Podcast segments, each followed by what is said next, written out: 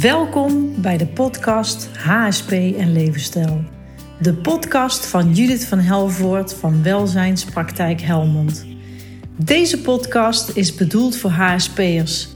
Graag inspireer ik jou om je bewuster te maken van jouw levensstijl en hoe je daarmee jouw levenskwaliteit kunt vergroten. Ik wens je veel luisterplezier.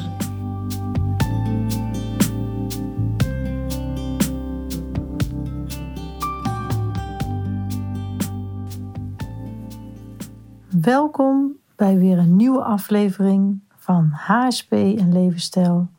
Met als onderwerp vandaag financiële vrijheid. Dit wordt zeker niet het eerste en het laatste deel, want ik zal je echt beloven dat ik nog veel meer zeer inspirerende podcast ga maken over financiële vrijheid. Waarom? Omdat ik het een heel fascinerend onderwerp vind.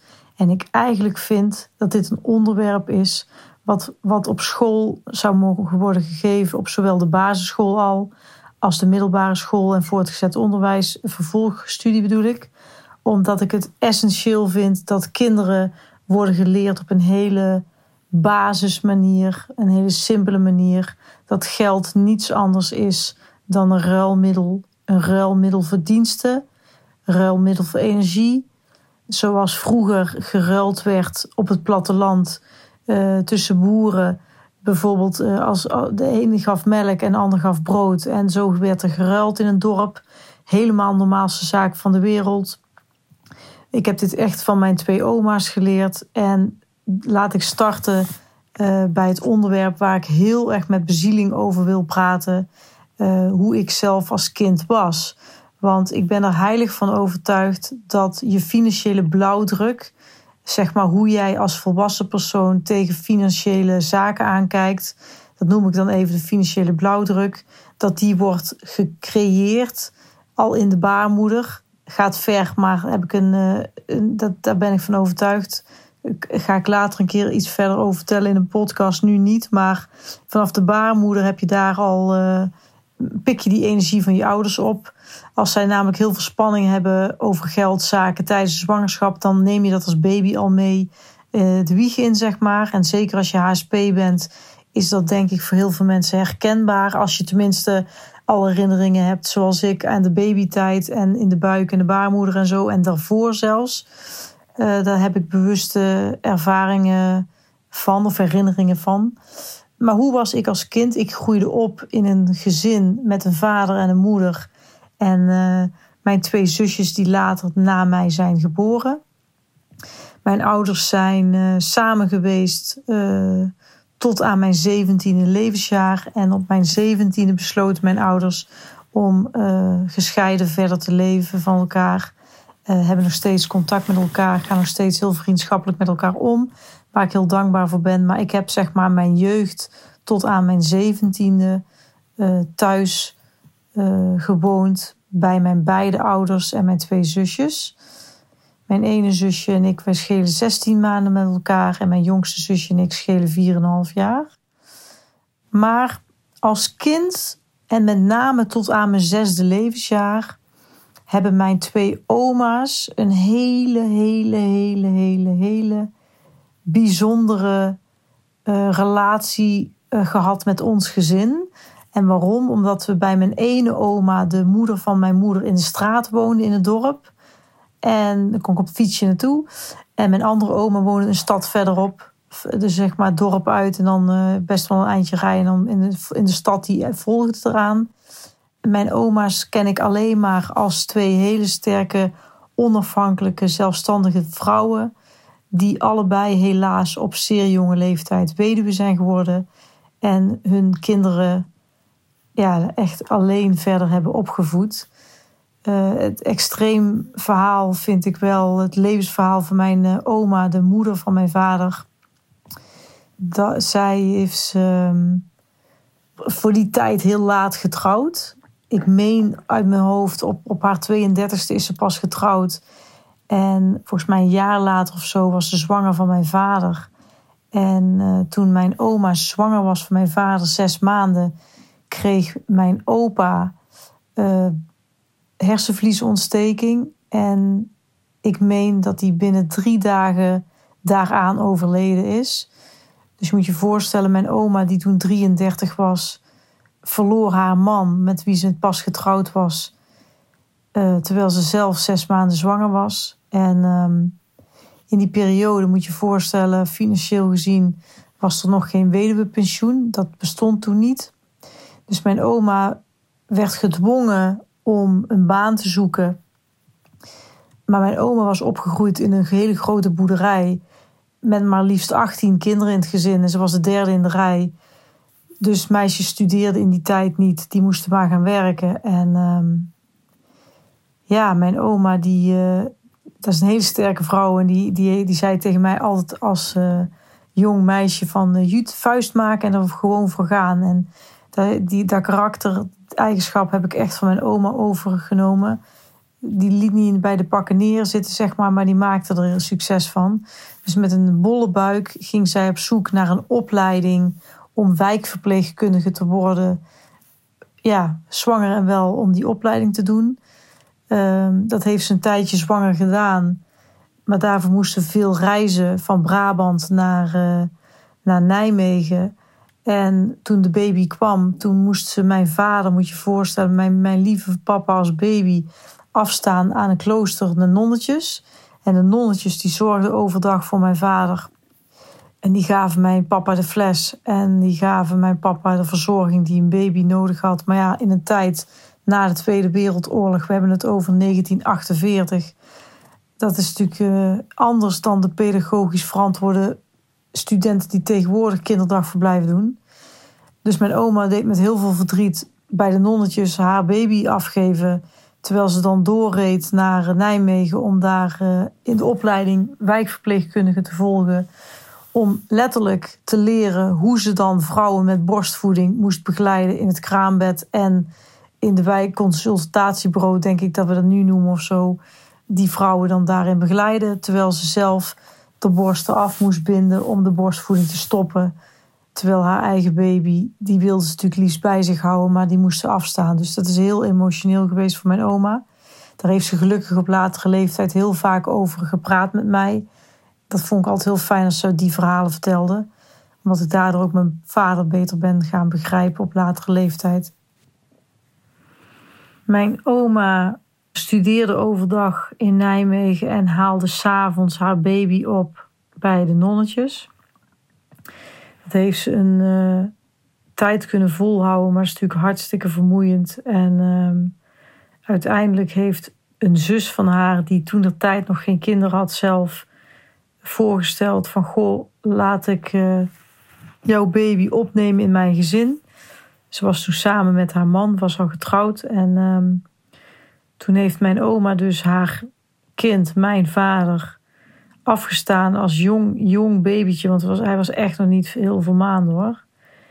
Um, opgenomen bij haar zus en haar man in huis. En er was de afspraak dat ze dan door de week uh, de baby deden. En dan in het weekend zou mijn oma dan bij haar in huis komen. Dat ze dan haar eigen kind kon zien. En wat de praktijk was, dat oma natuurlijk heel erg verlangde de hele week door om haar baby te zien. En zodra ze dan bij haar eigen zus kwam, wilde ze graag zorgen voor haar eigen baby.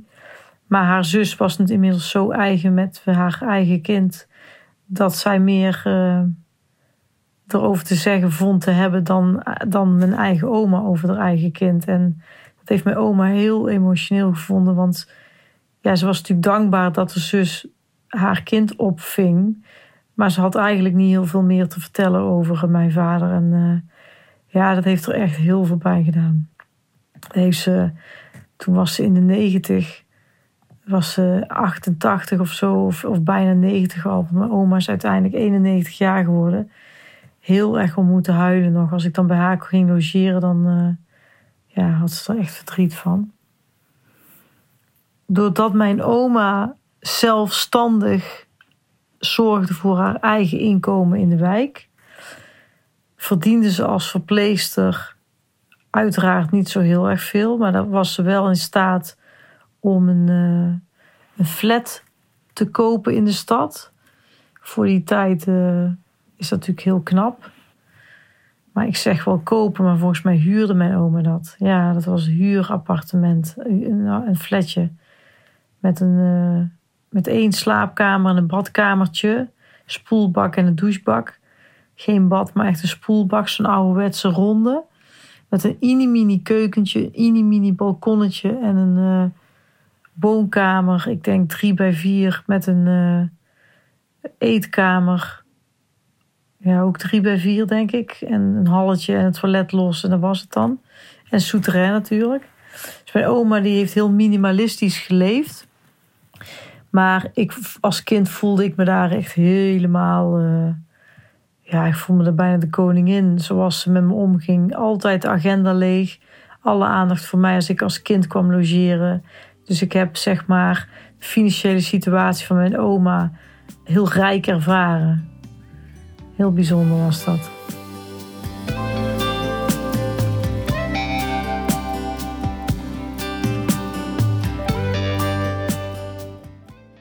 Mijn andere oma, de moeder van mijn moeder, is helaas ook op hele jonge leeftijd eh, weduwe geworden. Ik meen uit mijn hoofd dat dat 52 jaar was dat mijn opa overleed.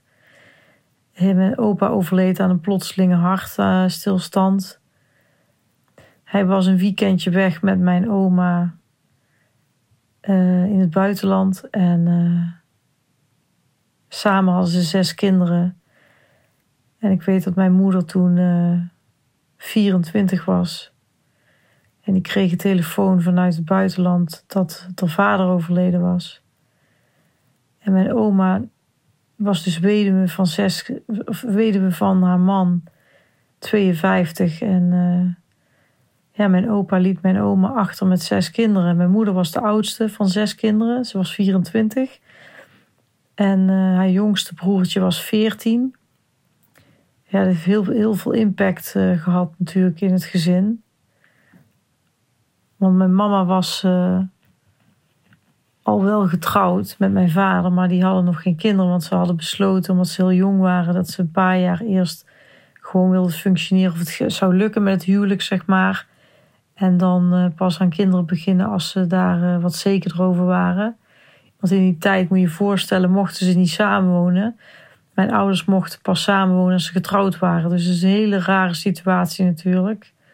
Om uh, vanuit thuissituatie meteen getrouwd te samen te wonen. En mijn mama was 25 toen ik geboren ben. En er is tegen mij altijd gezegd: Jutje was het eerste positief nieuws in de familie na het overlijden van je opa. Dus dat heb ik zelf altijd als heel bijzonder ervaren. Ik heb mijn opa wel altijd gemist, ondanks dat ik hem nooit gekend heb. Maar mijn oma was getrouwd met uh, mijn opa, die bankdirecteur was van de Boerenleenbank in een heel klein dorpje in Brabant. En uh, dat zorgde natuurlijk voor een financiële standaard in het gezin als ik dat vergelijk met mijn andere oma, die, die natuurlijk wijkverpleegkundige was, was de moeder van mijn moeder echt. Uh, ja, die hadden echt wel rijkdom. Die hadden echt wel een, levens, een hoge levensstandaard. Een auto, een televisie voor die tijd. Uh, nette kleren. Ik zeg maar chique kleren. Echt wel een contrast. Maar het mooie is dat ik als HSP-kleindochter als eerste werd geboren aan beide kanten in de familie. Ik heb mij uh, bij beide oma's echt altijd mezelf gevoeld. Ik mocht bij allebei echt mezelf zijn. Ik heb mijn oma's altijd als gelijkwaardig gezien. Ze waren ook vriendinnen, dus dat was ook heel makkelijk. En dat mijn ene oma op een flatje woonde en de andere in een riant vrijstaand huis met een hele grote tuin. Met een elektrische knopje drukken, met elektrische deur open en dicht. Dat is natuurlijk super luxe. Maar ik zag dat hetzelfde als, als mijn oma die de souterrain opendeed en de fiets binnenzet en de auto altijd buiten, want die had geen garage. Oh, dat had ze wel, maar dan moest ze een eindje verlopen. Ja, heel bijzonder. Ik heb het allemaal als hetzelfde ervaren. En ik ben eh, heel dankbaar voor alles wat ik mee heb gekregen, met name van mijn beide oma's over uh, geld. Uh, omdat mijn opa bankdirecteur was tijdens zijn korte leven deden wij ik vaak alleen met oma en soms ook met mijn zusjes deden wij bankjes spelen. Wij deden Monopoly. Wij deden bankjes spelen met een spel met alleen maar geld. Dat je echt als kassier geld kon uitlenen aan je klanten. En dan zei oma altijd: dan moet je wel goud als onderpand behouden in je bank met, met goudstaven. Anders moet je geen geld uitlenen, want anders is het geld niks waard. En dat is voor mij standaard opmerking van oma. Uh, dat dat erbij hoort, anders leen je niks uit. Dus wij hadden het over goudstaven en geld uitlenen met, met monopoliegeld van het briefjesgeld. Uh, maar we hadden het over goudstaven, dat dat normaal was. En um, ik merk dat ik nu een beetje te moe ben om daar enthousiast verder over te praten. Ik, ik voel ook dat ik morgen of een andere keer even een vervolg maak van deze podcast. Want het is vandaag uh, een uh, hele intensieve dag geweest. Uh, de podcast wordt waarschijnlijk pas de laatste week van augustus gelanceerd. Maar ik neem dit nu op op moederdag. Zondag moederdag 8 mei. En 2022. En het is een emotionele dag voor mij geweest. Want mijn lieve mama is herstellende van borstkanker. En ik heb haar vandaag uh, live kunnen knuffelen. Ik heb haar vastgehouden, een beetje te hard geknuffeld. Dus het deed een beetje pijn van de operatie nog, zeg maar. Ze heeft een uh, borstbesparende operatie gehad. En dan schrik ik dan van, want dan wil ik er knuffelen. En dan doe ik dan iets te, iets te enthousiast. En dan doet het toch zeer. En dan vind ik dat vervelend dat ik mijn mama pijn heb gedaan vandaag. En... Uh, ik ga het hierbij laten en ik kom er later op een ander tijdstip op terug. En dan beloof ik je dat het een hele, een hele innoverende podcast nog wordt. Want ik heb nog veel in petto uh, als ik zo kijk naar mijn aantekeningenlijstje van uh, trefwoorden. Ik heb trefwoorden opgeschreven omdat ik het namelijk belangrijk vind dat ik het authentiek vertel. Alsof ik je aan de telefoon heb vanavond en je even de korte samenvatting van mijn leven vertel of zo. Nou, dankjewel voor het luisteren. Ik wens je een hele fijne uh, ochtend, middag of avond. En als het ook bij jouw avond is, wens ik je wel rusten. Tot gauw.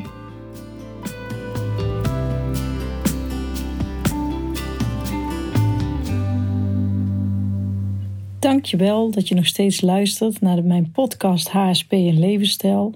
Met als onderwerp deze aflevering financiële vrijheid. Ik vind het ontzettend leuk dat je de moeite hebt genomen om me beter te leren kennen. Um, om je wat te vertellen over hoe ik zelf financiële vrijheid heb gecreëerd in mijn leven, vind ik het aanvullend nog even belangrijk om te delen in wat voor gezin ik opgegroeid ben. Mijn vader is altijd directeur geweest van een aluminiumverwerkend bedrijf. Um, hij heeft heel veel uren gewerkt en eigenlijk had hij bijna geen vrije tijd. Ik kan me als kind mijn vader herinneren in de zomervakantie dat hij er heel erg fulltime was. Maar eigenlijk door de weeks ehm, was hij altijd aan het werk. Kwam laat thuis. Uh, we hadden dan vaak als gezin al gegeten. Dan had hij later. En dan sliep hij even op de bank. En dan ging hij heel de avond doorwerken. Dus ik heb mijn vader eigenlijk heel erg gemist in mijn jeugd. Mijn moeder daarentegen werkte alleen maar onder schooltijden van mezelf en mijn zusjes. Dus die was er eigenlijk altijd. En dat heeft mij natuurlijk gemaakt tot wie ik nu ben. En zorgde ervoor dat toen de kans op mijn pad kwam om financieel vrij te worden, die heb ik met twee handen aangegrepen, omdat ik voelde dat ik daarmee letterlijk een ander leven kon creëren dan mijn ouders hadden gehad. In de allereerste aflevering heb ik verteld dat er een welzijnscoach op mijn pad gekomen is die mij begeleid heeft op een ontbijt en waar ik super resultaten mee behaald heb. Toen ik me ging verdiepen in de producten, toen kwam ik er al snel achter dat het bedrijf die de producten leverde, werkte via netwerkmarketing. En netwerkmarketing, daar kende ik eigenlijk helemaal niet. Uh, eh, 18 jaar geleden toen ik hiermee in aanraking kwam. En het heeft me enorm verbaasd uh, wat de kracht van netwerkmarketing is. En dat eigenlijk in Nederland en België er nog niet zo'n goed beeld is van wat netwerkmarketing eigenlijk inhoudt en wat de kracht daarvan is. Het is een manier hoe een bedrijf producten in de markt zet via een warme markt, dus via via. kun je de producten aanschaffen. En daardoor wordt er gekozen om niet te kiezen voor het uh, distributiecentrum of de distributiemanier um, zoals de detailhandel werkt in winkels. Maar via een warm netwerk kom je eigenlijk in contact met het bedrijf en de producten. En dat vind ik een heel mooie manier om producten aan de man te brengen, zeg maar. Eh, omdat het op een warme manier is en het altijd via een, een, een levend persoon is. En de producten hebben eigenlijk zo'n goede kwaliteit dat ze te goed zijn voor de winkel. En dat is de reden vaak waarom er gekozen wordt voor netwerkmarketing, om het op die manier te verspreiden onder de mensen. Ik vind het de meest eerlijke manier van geld verdienen, omdat alleen de mensen die hun best doen om het te delen met anderen, daarvoor beloond worden. En het mooie vind ik dat als je iemand in contact brengt met het bedrijf, dat je die persoon in de gelegenheid stelt om de producten aan te gaan schaffen als member met een inkoopsvoordeel en dat die persoon ook de mogelijkheid heeft om dat te delen met mensen waar die van houdt. En dat, dat, dat vind ik iets wat heel bijzonder is en wil ik graag onder de aandacht bij je brengen. Want het is eigenlijk zo dat op het moment dat je zelf het ontbijt gaat eten en je wordt daar enthousiast over, omdat je, omdat je echt merkt dat het iets met je doet fysiek, dat je daar zo blij van wordt dat je dat andere mensen gunt. En op het moment dat je het andere mensen gunt en die mensen via jou de voeding gaan eten, dan kun je ervoor zorgen dat je gratis kunt gaan eten op lange termijn. En je kunt er zelfs geld aan gaan verdienen op het moment dat die mensen het ook weer gaan delen met andere mensen. En wat zo bijzonder is, denk ik, als HSP'er, is dat dit een mogelijkheid is om vanuit huis geld te gaan verdienen met een product waar je achter kunt gaan staan met je hart. Omdat het zoveel resultaten ehm, geeft dat het eigenlijk niet anders dan logisch is dan dat je dit gaat delen met mensen die je lief hebt. En hoe mooi is het dan om vanuit thuis een ruimte te creëren waarbij je mensen kunt uitnodigen om over het ontbijt te praten. En dat je die mensen alle tijd geeft om zichzelf te zijn en dingen te delen die ze graag zouden willen verbeteren met hun gezondheid. Dan is het hartstikke mooi om er echt voor die mensen te zijn. En dat die mensen dus niet betalen een uurtje, factuurtje dat ze bij jou zitten. Maar ze betalen voor het ontbijt en voor de supplementen die ze eventueel nog zouden willen. En daarvoor uh, betalen ze een prijs. En in ruil voor die producten geef jij jouw tijd en aandacht en liefde voor je medemens. En, en daar word je dan eigenlijk voor betaald. En dat is natuurlijk hartstikke mooi dat die mogelijkheid er is om op die manier uh, stil te staan bij de gezondheid van je medemens.